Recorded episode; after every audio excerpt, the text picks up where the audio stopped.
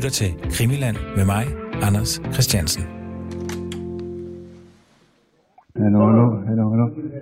Hallo, hallo. 1, 2, 3, så er vi klar. Og vi er her på kommunehospitalet. Ja, og vi skulle være klar nu.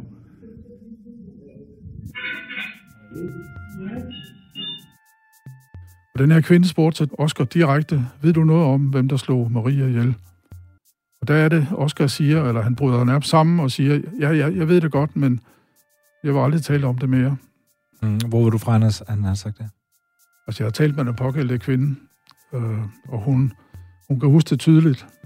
Og hun, hun overholdt jo også det, som Oscar bad hende om, så hun, hun spurgte ikke mere, men det tyder på, at Oscar har vidst noget. Manden, du kan høre her, er Jørgen Skrovsted. Han er forfatter og journalist og har skrevet to bøger om mordet på Marie Lok Hansen. Maria Rasmussen, hvilken dato er de født? Vi er i gang med anden del af Krimilands dækning af det såkaldte Højbjergmord. I marts i år begyndte politiet pludselig at grave i en have i den aarhusianske forstad Højbjerg. Formålet var at komme nærmere en løsning på et 54 år gammelt mord. For i 1967, der blev Marie Lok Hansen dræbt i sit hjem med tre skud.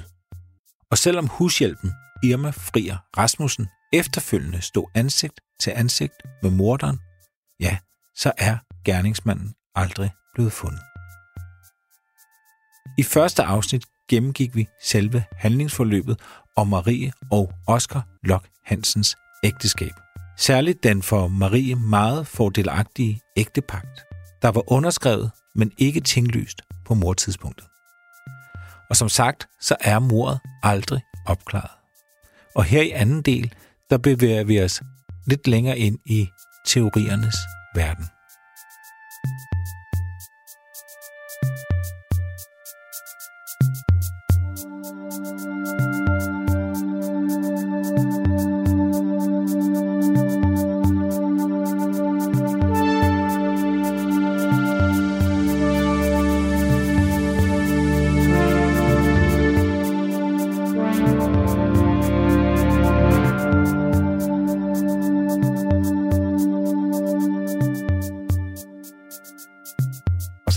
Vanvittigt mange teorier i omløb. Der er jo, hvis du kigger på, hvor stor en stabel bøger, der kommer om Højbjergmordet, så er det måske den mest omtalte morsag, i hvert fald fra gammel tid, der, der findes. Så der er jo vanvittigt mange teorier og ud, udpegede gerningsmænd.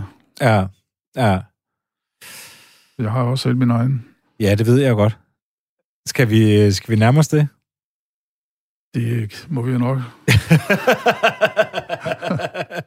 det må vi jo nok. Det er det, øh, altså, øh, hvordan vil du starte den? Altså, jeg kan sige, at øh, efter jeg har skrevet den første bog, altså den, der ligger lige her, den usandsynlige morder, kom der jo enormt mange henvendelser øh, om folk, der synes, de, de troede noget og vidste noget og så videre. Og øh, jeg havde ikke regnet med at skulle øh, beskæftige mig ikke indgående med sagen igen. Og så den her bog indeholder, det er sådan set Bibelen til Højbjergmordet, fordi der er så mange detaljer og facts i den, som mange af dem kommer jo fra politiets rapport. Hmm.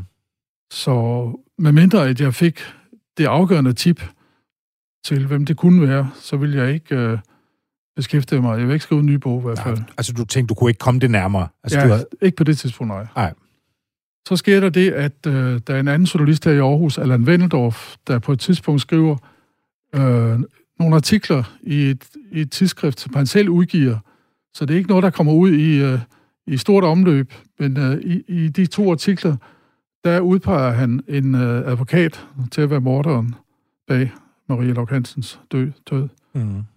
Der er for øvrigt også et vidne, som, øh, som fortæller, at øh, han holdt øh, på, på Oddervej og, øh, og så en, en kendt advokat øh, passere forbi. Det her, det er Dines Bogø. Han er foredragsholder og forfatter og har beskæftiget sig indgående med Højbjergmordet. Han, øh, han fortæller, at det er øh, advokat Hugo Schmidt fra, fra det advokatfirma, som øh, Lok Hansen bruger, nemlig Storm Mortensen, og øh, Hugo Schmidt er medindehaver af, af firmaet, og for øvrigt er, kommer Hugo Schmidt øh, og Frue, de kommer øh, som, som private gæster sammen med Storm Mortensen og Frue øh, i, øh, i Lok Hansens hjem og har gjort det gennem mange år. Altså, de har et, øh, udover at, at Lok Hansen bruger dem som, som advokatfirma, så kender de også hinanden privat. Ja. Øh, øh, den, øh, den gode Hugo Schmidt har også været regnskabsfører øh, for, for Marie i hendes øh, lille øh, trykkeriforetagende. Andre antyder direkte, og det tror jeg nok også holder vand, at øh, Hugo og Marie på et tidspunkt har haft et forhold. Mm. Ja, og, og der, er altså, der er altså flere, øh, og det kan jeg også se, det er også noget, der, der, der er skrevet bøger om, at man simpelthen, at der, der er nogle forfatter, der har ment, at, at Hugo Schmidt... Øh, Jamen, han bliver, han bliver direkte nævnt øh, øh, i en forholdsvis ukendt artikel, som en af forfatterne skriver, øh, som bliver udgivet på et tidspunkt, hvor der kommer en bog, så artiklen den forsvinder sådan set i, øh, i, i, i omtalen. Ikke rigtig nogen lægger mærke til det. Men der, han skriver to artikler øh, med et års mellemrum, og, øh, og der lægger han overhovedet ikke skjult på, at det er Hugo Schmidt, der er gerningsmanden og beskriver en hel masse motiver og, og lignende. Så, så alle øh, har vidst, at øh, nogen mente, at det var Hugo Schmidt. Og da jeg læste de artikler, tænkte jeg, at hold da op, det er da langt ude. Det kunne jeg ikke forestille mig, at der var noget i. Jeg troede simpelthen ikke på det. Nej. Men det gik selvfølgelig og tænkte lidt over det, og, og forsøgte også at finde ud af, om øh, altså, hvad han vidste, og ting, som, øh, som ikke havde været fremme. Altså, han må have haft nogle tips udenom. Øhm, altså direkte med nogle politifolk, eller også må han have haft adgang til noget af det materiale, som vi andre ikke kunne se. Men så pludselig kom der en mail en dag, jeg havde været i øh, øh TV2 Østjylland nogle gange, og der var der så en person op i Sverige, en, en dansker, der boede oppe i Nordsverige, som havde været inde og se de her klip, der var. Og han skrev så til mig, at han... Øh, fordi på det tidspunkt havde jeg kritiseret politiet meget, og jeg havde også øh, måske en mistanke til, at det kunne være korrekt, at den her advokat kunne, kunne have noget med det at gøre. Men den her pågældende mand oppe i Nordsverige skrev så, at øh, han vil godt bede mig om at være med at arbejde videre med den teori, fordi han kendte den her familie tilbage i tiden. Han har spillet golf med dem i Højbjerg, eller Skåde Golfklub, øhm, og kendte familien og synes det var synd, hvis, hvis der skulle komme noget skidt ud øh, omkring, mm. omkring de pågældende. Og det synes jeg er enormt interessant, så jeg skyndte mig at, se, at skabe kontakt med ham. Og så heldigvis kom vi øh, i god kontakt, og han øh, endte med at nærmest tro på min, min teori, som var jo, at der var noget i det. Øhm, og jeg udfritter ham jo omkring hans viden om det, og det viste sig også, at han øh, havde interesseret sig for, for det mor fra starten, fordi han havde været ansat i et, i et øh, vaskeri i Højbjerg, hvor han kørte rundt i bil og skulle samle vasketøj ind øh, fra typisk velhavende folk derude, og så afleverede det igen nogle dage senere. Han kommer også i øh, Marie Hansens hjem øh, og hentede vasketøj og kom tilbage med det tit. Så han kendte faktisk, eller kendte og kendte, men han havde mødt Marie Lok Hansen flere gange, og han sagde blandt andet, og det sagde også naboerne, at hun var en meget sky person. Hun kunne ikke finde på at lukke nogen ind i sit hus. Øh, den pågældende her kom aldrig ind i huset, selvom han, han blev stående udenfor. Og når der kom sådan en fremmed ind og ringede på, ville hun aldrig kunne finde på at lukke ham ind, hvis det ikke var, fordi hun vidste, hvem han var og kendte ham. Mm. Og det tyder jo på, at de kendte hinanden. Ja. Um, men altså, vi fortsatte vores øh, korrespondence og så videre, og det øh, endte med, at, at han gav mig så mange oplysninger, så jeg til sidst øh, godt kunne se et øh, billede af, at det kunne være den her pågældende advokat. Ikke ham, der havde stået model til fantomtegning, men en anden advokat i Aarhus, som jo også kendte Marie, enten, øh, enten et stykke tilbage i tiden, efter Maries første ægteskab, kan de muligvis have mødt hinanden. Men i hvert fald kendte de hinanden via øh, via hendes lille selskab, der hedder Rolok. Det her selskab nede i kælderen, hvor hun duplikerede sin mands øh, lærebøger. Der var, altså man skulle have et skatteregnskab, når man har et lille firma, og det var ikke ret stort, hun tjente ikke specielt mange penge, men der skulle være en revisionsrapport, og hvem var revisor til det her lille firma? Det var den pågældende advokat. Det vil sige, at han kom jævnligt i huset, når han skulle kigge regnskaber igennem. Så de kendte i hvert fald hinanden. Mm. Og øh, jeg synes så, at øh, jeg forsøgte så at finde ud af, hvad der var for en person, den her advokat, hvad, om man kunne finde på sådan noget der. Det, der så yderligere bestyrkede mistanken imod ham måske, det var nok, at, at han var medejer af det advokatfirma, der havde lavet ægtepakten. Advokatfirmaet hed Storm Mortensen, øh, og det var det største advokatfirma i Aarhus på det tidspunkt. Og i, i starten af 60'erne, der, blev, der var den pågældende advokat ansat i firmaet, og han blev så medejer på et tidspunkt, hvor han fik mulighed for det via nogle, nogle penge fra sin hustru, som var en svensk, øh, hun var velhavende, fra et velhavende hjem i Sverige. Så han købte sig ind i firmaet, og øh, det var det firma, der udformede ægtepakten, som vi har talt om tidligere. Og den ægtepagt, som jeg mener er omdrejningspunktet i hele sagen, den øh, var Oscar Lokansen ikke særlig tilfreds med, da den var blevet underskrevet. Altså, der går en uge imellem, at de underskriver ægtepakten, mm. til den skal tinglyses, og til at mor så sker samme dag, som tinglysningen skulle foregå. Og i den uge, der forsøger Oscar Lokansen, efter hvad jeg har hørt, at få ægtepakten omstødt eller trukket tilbage. Problemet var, at øh, Storm Mortensen, som altså var ejer, ham der havde startet firmaet, han var øh, på rejse i USA på det tidspunkt, så han var svær at få fat i. Så han øh, har nok øh, kontaktet øh, den her advokat, som var i firmaet, og sagt, kan du ikke gøre noget ved det her? Altså få, få, den, få Maria til at ændre den, eller gøre noget, som gør, at øh, Oscar ikke kommer i fedtefadet. Og øh, det er jo så det, der sker, at den pågældende advokat tager ud i huset den her formiddag med sin mappe under armen og øh, beder så Maria om ind på kontoret og ændre ægtepakten. Og da hun ikke vil det, hun siger jo nej, så har han også taget en pistol med og truer hende. Og så går pistolen åbenbart af. Og øh, ja, så blev Marie myrdet på den måde. Altså, skulle, skulle en advokat altså skyde en, en klient, fordi hun ikke vil ændre en, en, en ægtepagt? Ja, det er måske uh, lidt langt ude, men uh, det er en teori, jeg har troet på i hvert fald, Ja, da jeg skrev bogen selvfølgelig. ja, ja. Ja, Som jeg måske i dag uh, er knap så skråsikker omkring. ja. Jeg tror ikke, at, øh, at det var Hugo Schmidt. Jeg tror, at han, øh, lad os kalde det, blev lokket til at være i nærheden af huset ved der lidt i 11, øh, og, og ufrivilligt øh, på afstand øh, høre, hvad der sker, og overvære det. Hvem, Han, han kommer senere tilbage til sit kontor i utrolig stærkt øh, øh, øh, psykisk påvirket tilstand og helt ude af, helt ude af flip. er, der, er, er der andet, der, tegner, øh, der, der taler for, at, at det, det skulle være ham? Altså, jeg har prøvet at sådan karakterisere hans personlighed i den bog, jeg skrev. Og ud fra det, som jeg har, jeg har talt med mange, som kender ham som, adv- som kendte ham dengang som advokat, og som person i al almindelighed. Altså, det er jo det, jeg har stykket sammen. Så kunne jeg godt forestille mig, at han kunne finde på det. Han var meget ældre person, og øhm, rethaverisk sikkert også. Mm. Men altså, jeg har jo desværre ikke det afgørende øh, bevis på det. Nej. Og ligner han? Ja, det synes jeg. Lever han i dag? Nej.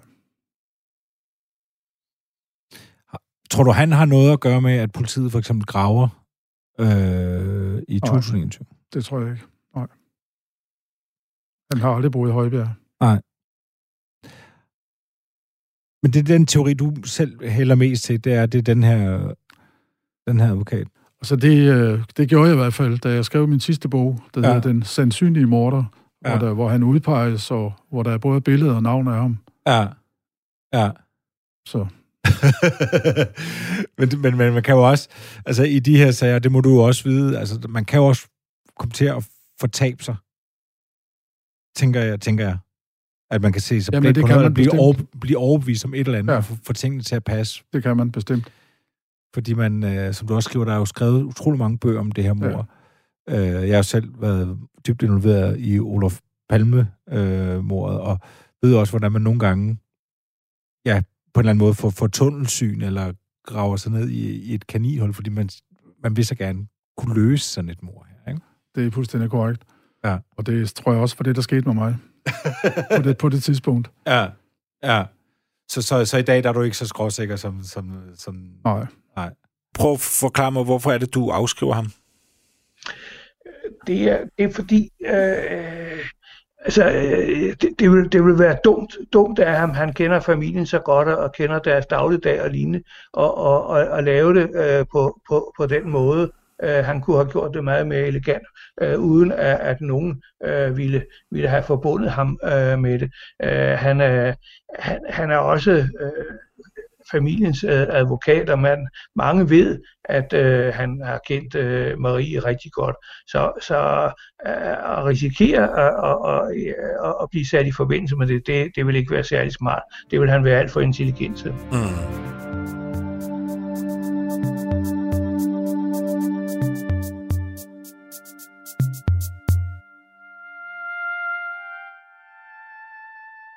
Specielt en kvinde, som var i omgangskredsen også, Margit Vinskov hed hun.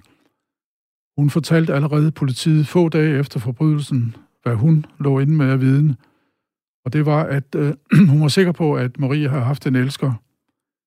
Øhm, hun brød sig jo ikke specielt om Maria. Hun mente, hun var sådan en opkomling, der stræbede voldsomt opad og, og blev fisefornem. Ja. Men øh, hun fortalte politiet, at Maria sandsynligvis havde en elsker, fordi hun havde været sammen med Oscar og Marie og sin egen mand, øh, som øvrigt også var ingeniør. De havde været i København på et tidspunkt og tog øh, Københavnerbåden her fra Aarhus og skulle så i teateret. Og efter teateret var de så på en beværtning og fik noget at drikke. Og her kommer der en øh, mand, en høj, slank mand, hen til Marie, og de følger, hun følger sig med ham og forlader selskabet. Og de tre andre tager sig alene hjem til Aarhus, mens Marie bliver i København som er den pågældende. Mm. Og den pågældende person øh, optræder en eller flere gange ved øh, selskaber ude i huset, hvor han er altså inviteret og sidder og sidder ved siden af Marie, mens Oscar altså kigger på det. Ja. Og den her kvinde, Margit, Margit Vinskov, der fortæller det her, hun blev ikke taget alvorligt af politiet dengang. Hun optrådte så, da der var 40 års ikke jubilæum, Ej. det kan man ikke kalde det, men altså 40-årsdagen for mordet, øhm, der optræder hun igen. Øhm, der er der nogle journalister fra Stiftstidende, der får hende til at fortælle historien en gang til, og så er politiet jo nødt til at tage det alvorligt, og de afhører hende så endnu en gang. Det er jo en viden, som øh, politiet i virkeligheden har vidst fra starten, at der sandsynligvis har været en elsker, og hvem er det, og er den person interessant? Ja. Det har politiet åbenbart overset i, i 40 eller 50 år. Er der, altså, man kan jo næsten høre det på dig, men altså, der, der, er vel, altså, der er vel grund til at kritisere politiet i den her sag. Er der ikke det? Det kan man vist roligt sige. og, og, og det er altså ting som det her. Altså, at, at de får nogle, nogle, nogle henvendelser, som, som de ikke tager alvorligt, eller ikke følger op på øh, ja. grundigt nok. Ja. Men omvendt så siger du også, de drukner jo også i, i henvendelser. Ja, men det her er jo så vigtigt, altså at Maria eventuelt har haft en elsker, skal man jo tage alvorligt. Mm. Hvis det er en person, der har kendt Maria og har set noget, så kan man jo ikke bare vifte det væk.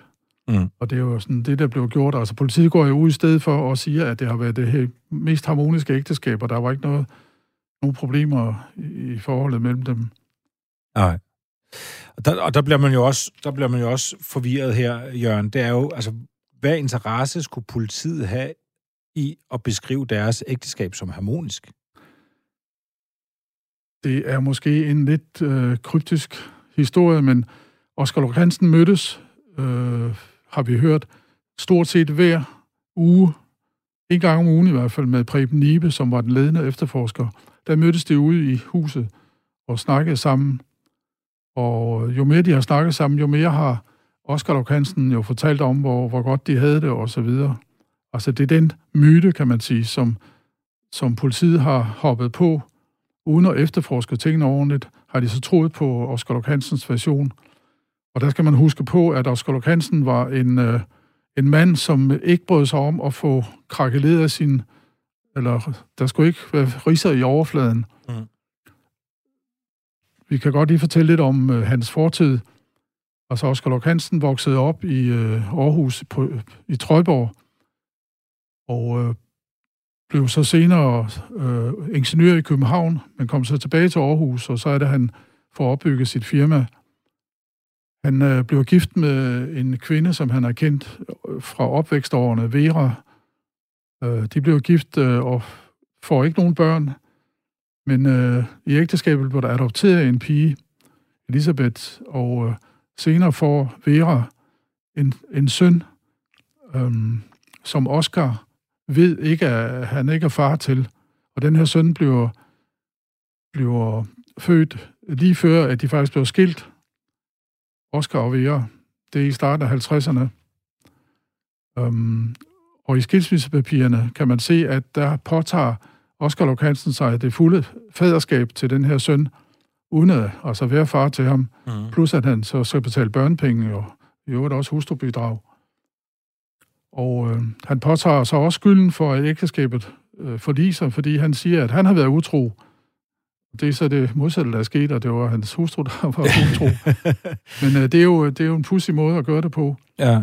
Og det tyder jo på, at Oscar for alt i verden vil undgå, at han skulle have været en handrej, altså at nogen skulle, øh, kunne pege fingre af ham. Mm. Han var en akværdig borger, øh, som, øh, ja, som ikke kunne finde på øh, at gøre noget. Ja. Ja. Og det, Selvom man altså påtog sig at være årsag til øh, forliset. Ja. Men det samme gentager sig så med Maria. Altså, der vil han for alle verden forsøge at bevare facaden udadtil, og ikke stå tilbage som den, der, der skulle skilles endnu en gang. Mm.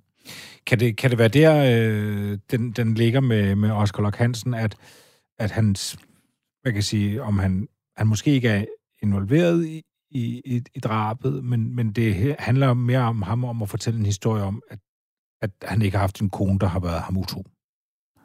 Det tror jeg var vigtigt, ja. For alt det verden vil han undgå, at, at det skulle ske, at øh, offentligheden fik kendskab til, at hun havde været ham utro. Ja. Så derfor vil han aldrig fortælle om den her elsker.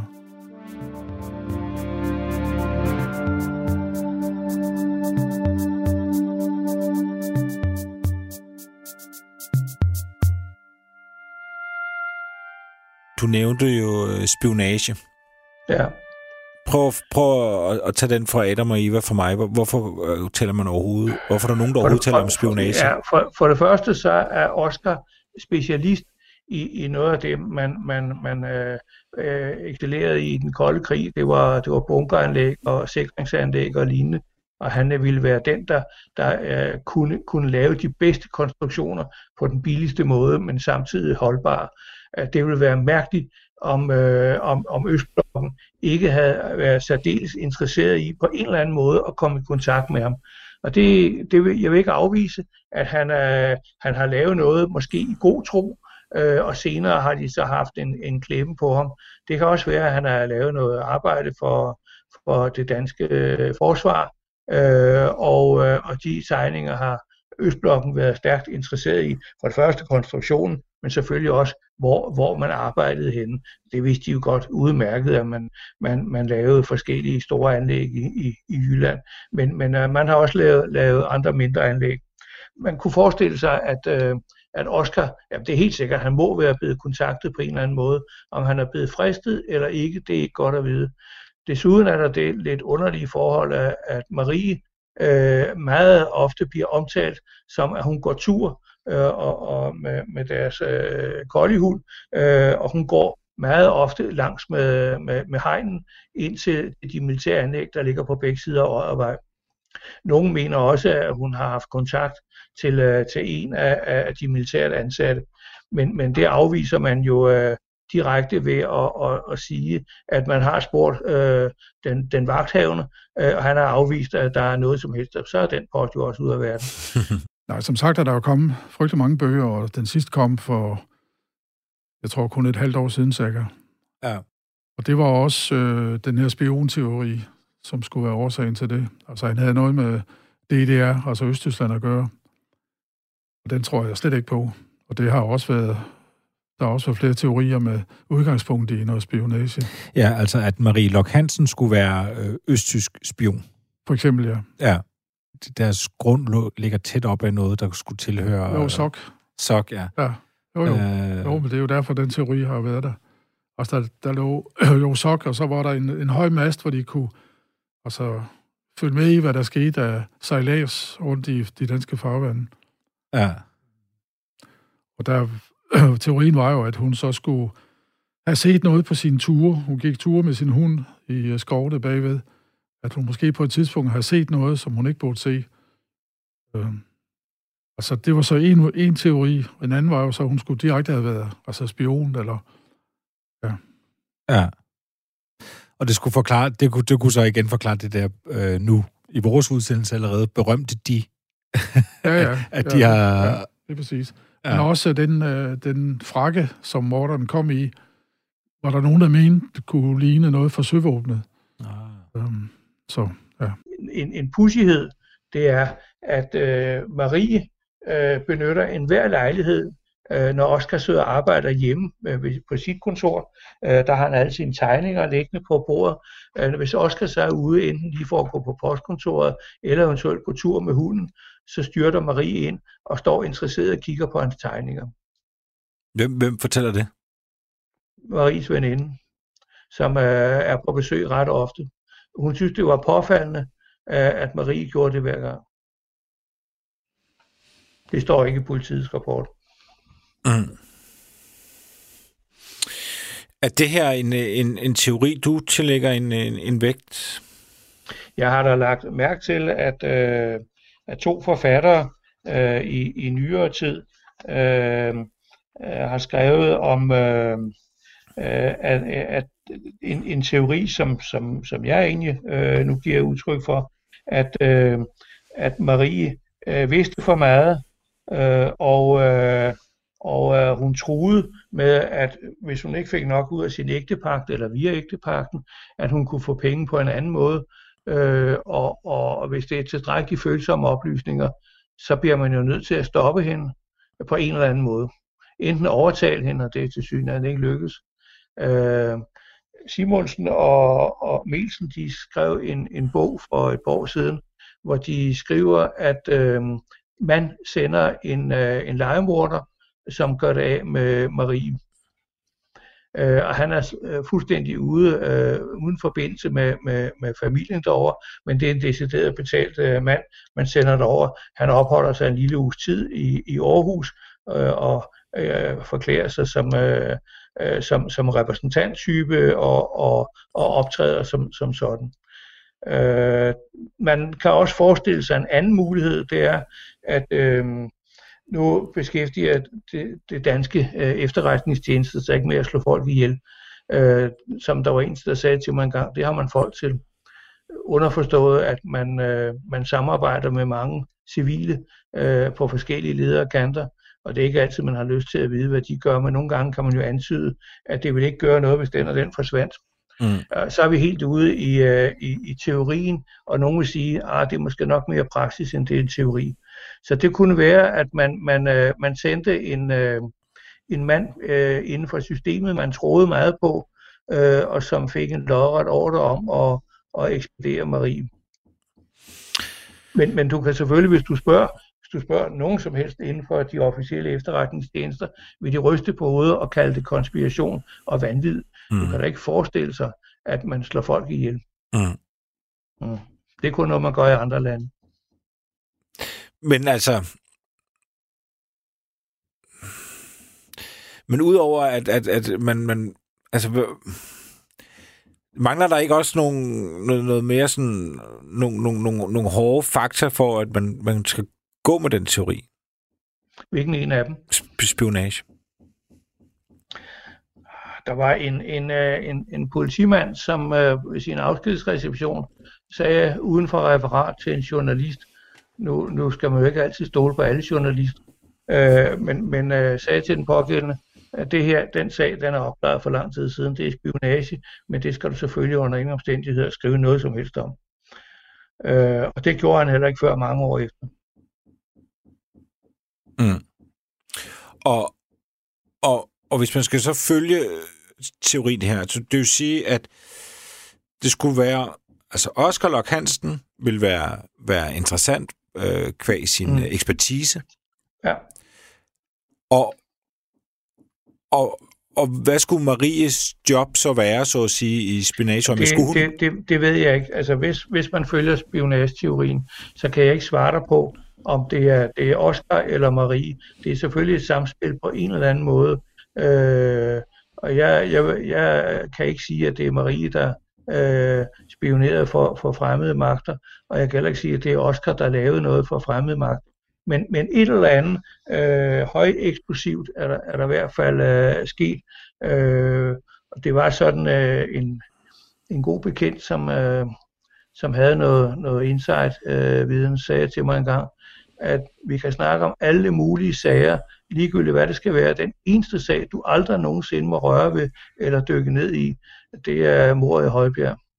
Og så spørger jeg jo selvfølgelig nysgerrigt, øh, hvorfor, hvorfor, hvorfor lige det? Så siger han, det vil jeg ikke engang svare dig på, øh, men, men, øh, men, men du skal aldrig nogensinde røre ved det, fordi det er, det er sprængfarligt. Og øh, nu skal du selvfølgelig ikke afsløre, hvem din bekendte var, men hvilken indsigt ville han kunne have? Øh, våben.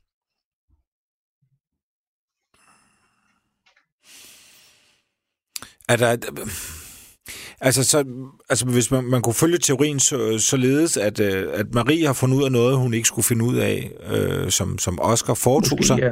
og hun ja. så af, altså, nærmest afpresser sin mand, det kunne i hvert fald forklare ægtepakten. Ja, det kunne være noget af det.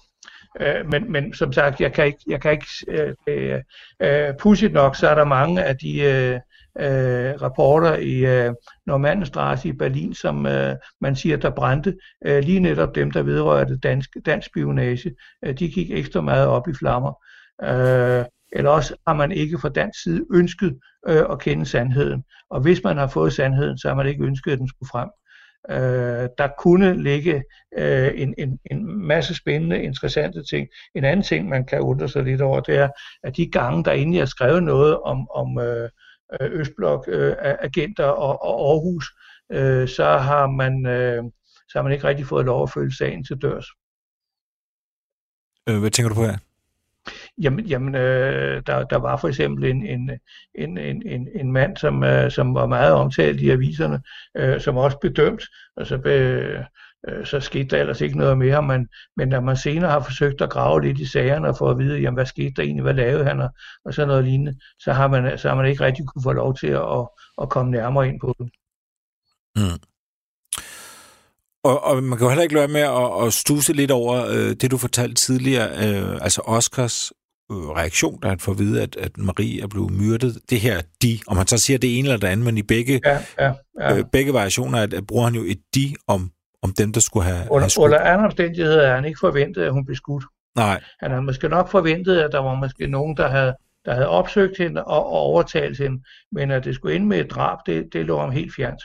Ja. Det er sådan, han giver udtryk for, øh, og uanset om man tror på, at det er ham, der har bestilt det, øh, det, det tror jeg nu ikke. Men, men selvom han havde bestilt det, så ville han jo ikke agere på den måde. Han, han, det var meget impulsivt, øh, den måde, han agerede på. For, for øvrigt så øh, var han lov at komme ind i huset øh, og, og hente nogle forskellige ting, blandt andet nogle, øh, nogle øh, dias, øh, som står inde på Maries kontor, for han lov til at, at hente øh, og tage med, og så, så får han lov, at, eller så bor han ellers øh, hos, øh, hos nogle bekendte, ikke ret langt derfra, en uges tid, øh, mens øh, politiet øh, renser huset. Da han så endelig får lov at komme tilbage, der agerer han dybt mærkeligt. Han øh, piller alle malerier ned, tager alle bøger ud af reoler og lignende. Øh, og nogen vil sige, at han leder efter nogle skjulte mikrofoner. Nå.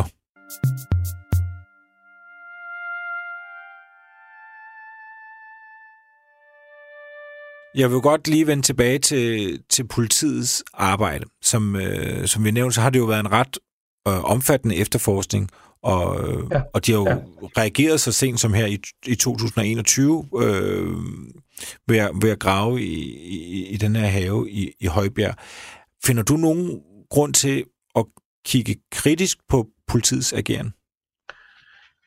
Jamen altså, øh, jeg bliver ofte spurgt om øh, en eller anden sag. Øh, mener, mener du, at politiet var involveret, altså underforstået på en anden måde?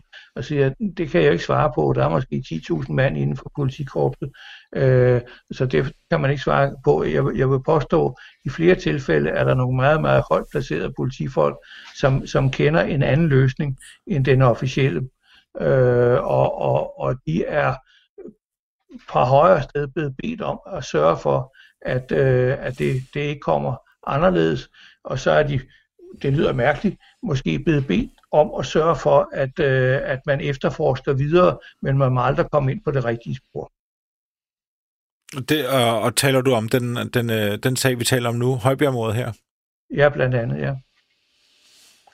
Og, og, og, og det kan man sige, det er jo, det, det er jo, en, det er jo, en, det er jo en, det er jo en grov anklage, du, du retter, synes jeg, ikke? At, at, at politiet, at ja, der er nogen i politiet, der skulle... Jeg retter en grov anklage, lad os kalde det en, en teori, øh, om at, øh, at i, i nogle sager herhjemme, der kan altså være noget af hensyn til rigets sikkerhed, eller hvad man nu skal kalde det, øh, af hensyn til, til meget andet, øh, at, øh, at man, øh, man så sørger for, at at sagen øh, ikke, ikke kommer, kommer til offentlighedens kendskab i detaljer, fordi det kunne skade for meget øh, så er det selvfølgelig, så lyder det dybt mærkeligt, at man så bruger øh, politiets ressourcer på at, at, at lede, men øh, pressen ville også synes, det var mærkeligt, hvis man ikke gjorde det. Men, men hvad er det så i, i konkret i indeværende sag her, Højbjergmordet, der får dig til at, at, at, at tænke de øh, tanker? Man, øh, man, man mener, at, øh, at Hugo Schmidt, øh, som øh, var medindehaver af Storm Mortensen, advokatfirma for for Storm Mortensen på rejse i USA på det tidspunkt, så han var sådan set øh, den, den ledende på, på firmaet.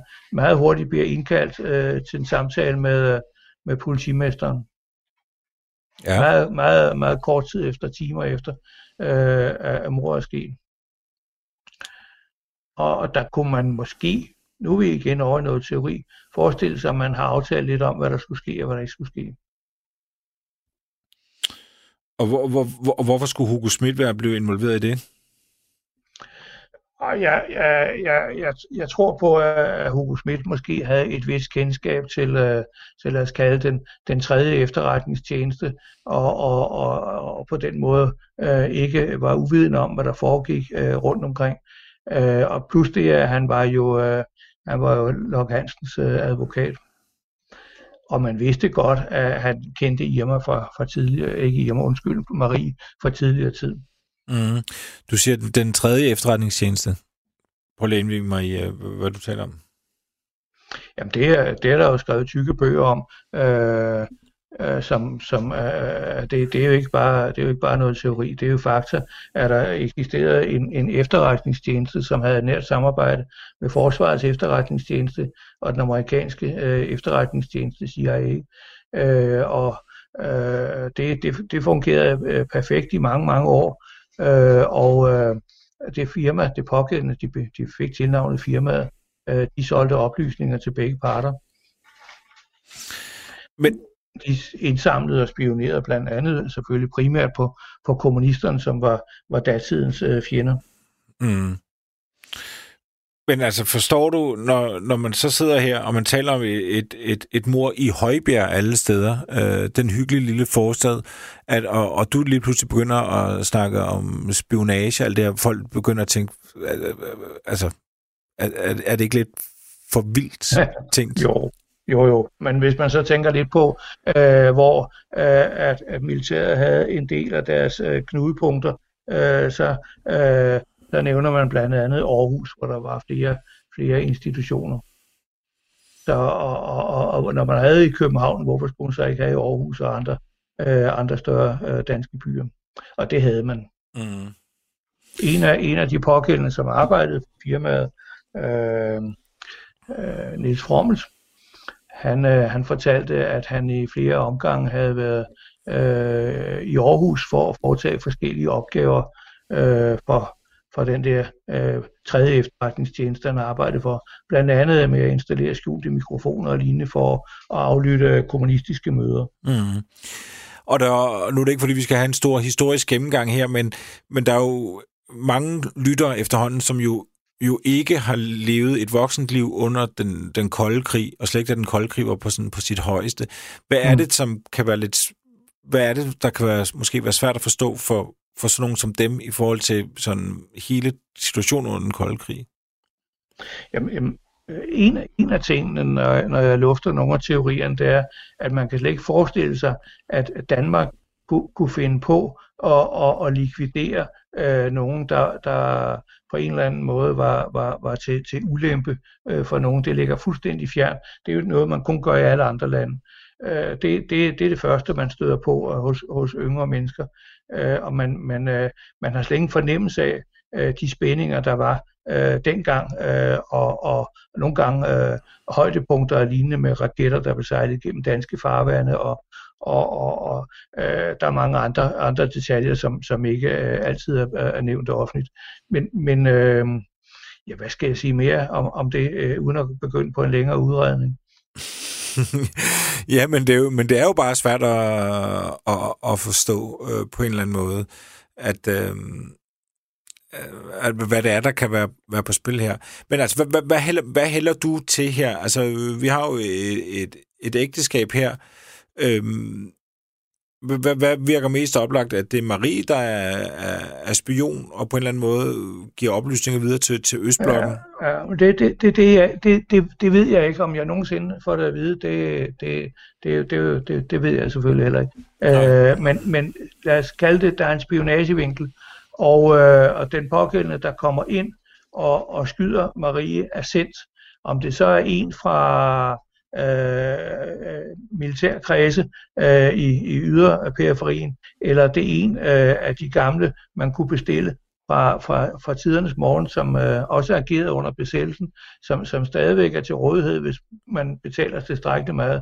Øh, det, det, er jo, det er jo hvis, hvis, hvis du læser bogen, som øh, Simonsen og, og Mielsen skrev, så, så er det deres teori, at det er en fra, fra, fra firmaet, øh, der bliver udsendt, og hvis man læser andre teorier, eller kigger på Facebook eller lignende, så er der nogle teorier om, at det var, det var en, en militærmand, som, øh, som fik en fortrolig opgave. Mm-hmm. Og det, det, det leder jo hen imod, hvis man, det leder jo hen imod så, at det er øh, Marie, der, der er spion. Nej, nej, det lyder hen imod, at Marie har truet med at fortælle noget. Hun er, det, er ikke, det, det, det er ikke nødvendigvis det andet. Marie, der er ingen tvivl om, at Marie, Marie har truet med at fortælle et eller et eller andet. Og, og hun har ikke lovet at tige stille, og den ægtepagt har ikke været nok til at få hende til at tige stille. Og så må man bruge den ultimative løsning. Og hvad skulle hun... Ja, det ved jeg, ved jeg godt, vi bare sidder, altså det bliver jo spekulation det her, men ja, hvad, hvad, er det, ja. hvad, er det, hun skal, hvad er det, hun skulle kunne fortælle? Som er så farligt, ja. at det vil koste hende, at det kan koste hende livet? Det kan, det, kan, det, det kan være mange ting, og det har jeg øh, været lidt inde på. Det kunne være nogle af, af de ting, som Oscar arbejdede med, eller han havde arbejdet med. Øh, det kunne være nogle ting, hun havde observeret med, med sin øh, hund, øh, hvor hun var ude og, og lufte øh, hunden omkring skovene. Hun havde bemærket øh, et eller andet, øh, som, øh, som hun havde givet udtryk for, at hun havde kendskab til at sætte sig nærmere ind i. Øh, det, det, det ved jeg ikke.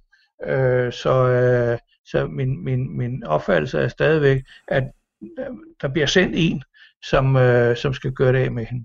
Mm-hmm. Og jeg tror, at Oscar var klar over, at der var et eller andet, Marie var i, i farezonen, også fordi hun havde givet udtryk for, at hun ikke ville sige stille, og hun havde noget viden, der var penge værd og, og lignende, og det udmyndte sig blandt andet i ægtepakten. Men, men, men hendes viden var, var mere værd. Så hvornår ville hun stoppe med, med at, og, og, og sige, nu, nu har hun fået, hvad, hvad hun mente, at hun havde brug for. Mm.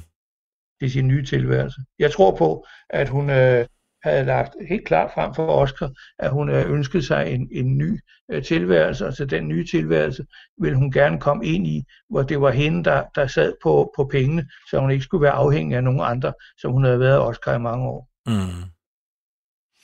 Er der noget sådan konkret, altså nu siger du, du har, du har en, øh, en politikilde, der, der har sagt til en journalist uden for citat der med, at, at det her mord, det er opklaret, det var spionage, men det må du ikke citere ja. mig for. Ja. Øh, er der andre ting, der, der, der taler i den retning? For... Det er igen min, min øh, bekendt, som, øh, som, som sagde, at, øh, og det, det er den der omtalte pistol der, mm. øh, at den, øh, og, og hele sagen om, omkring øh, pistolen og omkring øh, militær og våben og lignende, at, øh, at øh, det, det skulle man holde sig fra. De, de siger, at han, øh, han skød lige på den. Ja. Øh, øh, hvor stod de hen, da han skød? Ja, det kan jeg jo ikke forklare dem. Nej, men de kan bare sige foran en eller anden ting, eller sådan noget. Jeg stod i en anden, altså et, øh, hvad hedder det? Det her, det er en optagelse af en betjent, der kort efter mordet på Marie Lok Hansen interviewer hushjælpen Irma Frier Rasmussen. Irma er selv blevet ramt af skud og er på kommunehospitalet i Aarhus og skal til at opereres. Men betjenten når altså at interviewe hende inden. Står de med siden til ham, da han rammer dem? Ja, nej, jeg står nærmest ved front til. De står med front til ham, ja. Øh, ved de noget om, hvor de bliver ramt på det? Ja, jeg fik altså i maven, men jeg mærkede, at jeg sang om, at mit højre ben svigtigt. Øh, hvordan skød han, øh, dengang han, han skød? Hvordan holdt han pistolen? Han stod nærmest, som han skød fra hoften af. Øh, pistolen, kan de ikke godt sige noget ja, om det? den? Ikke om. Hvad, hvad hånd? Øh, Højre hånd. Irma, Ja, hus, hushjælpen. hushjælpen, har hun øh, altså kunne hjælpe med noget? Ja, hun er selvfølgelig det springende punkt. Hun er jo det eneste kronvidne, der givetvis har set morderen. Men, øh, og hun blev jo også rendt på dørene af journalister i øh, ikke mange år efterfølgende. Hun boede i en lille lejlighed her i midt i Aarhus, og fik jo hjælp af politiet på den måde, at hun øh, blev sikret mod alle de her udkommende folk. Og hun havde en, en knap, en direkte knap til politigården, hvis, hvis der var nogen, der ville hende noget, som hun ikke ville være med til. Eller hvis hun pludselig kom undervejs med, med et eller andet. Uh, hun bliver sat under observation officielt, siger Aarhus politi, at det er for at beskytte hende, fordi hun er kronvidne. Uh, øh, andre siger, at det er for at sikre, at hun ikke kommer til at tale med nogen og sige noget, øh, som, som politiet ikke er interesseret i, hun skulle fortælle. Hun, øh, hun ville jo ikke fortælle sin historie anden til politiet, og hun blev jo efterfølgende forvist det ene foto efter det andet. Altså når politiet havde nogen inde, øh, som de mente kunne være interessante, og som de havde et billede af, altså øh, nogen, som havde peget på en eller anden person, så blev øh, der straks forvist hende et foto af den pågældende, og så ville hun jo, med den vide, hun jo stadigvæk havde, kunne øh, afvise eller berigtige, om det var morderen. Mm. Hun får også en, en, en, en pæn pose penge øh, for Tortsviger smerte. Ja. Og, øh, og det er det samme advokatfirma, som formidler det på en eller anden måde, øh, som, øh, som også er Lok Hansens øh, advokatfirma. Har, har, Irma, har Irma senere udtalt sig om, om sagen? Uh, ikke, ikke, ikke, uh, jeg tror nok, hun måske har talt med en af forfatterne engang, men uh, hendes døtre har sørget for, at hun uh, ikke sagde for meget. Mm. Men hun, hun så aldrig et billede, som hun sagde, der er han. Nej. Nej. Så Det er også irriterende. det må man sige, ja. Men altså, hun så morderen på et tidspunkt, ikke, ikke på et foto, men i magasin her i Aarhus, hvor hun var inde at handle, der ser hun pludselig en mand, som hun er sikker på er ham. Og hun skynder sig at få fat i politiet. De kommer jo så til stede, øh, og der er han jo over alle bjerge. Det er den eneste gang, hun mener, hun har set ham.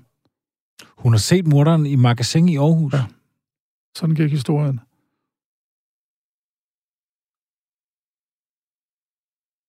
Det er helt vildt. Det er den eneste gang. Og øh, jeg ved ikke, altså, så, jeg ved ikke, hvor meget hun fik råbt, råbt op om det, men øh, han var væk i hvert fald, da politiet dukker op. Mm.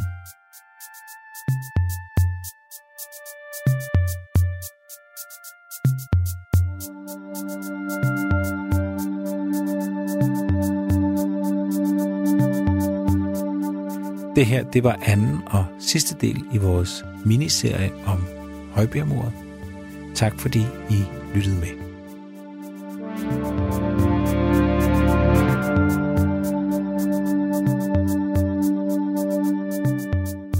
Programmet er produceret af Wingman Media for Radio 4.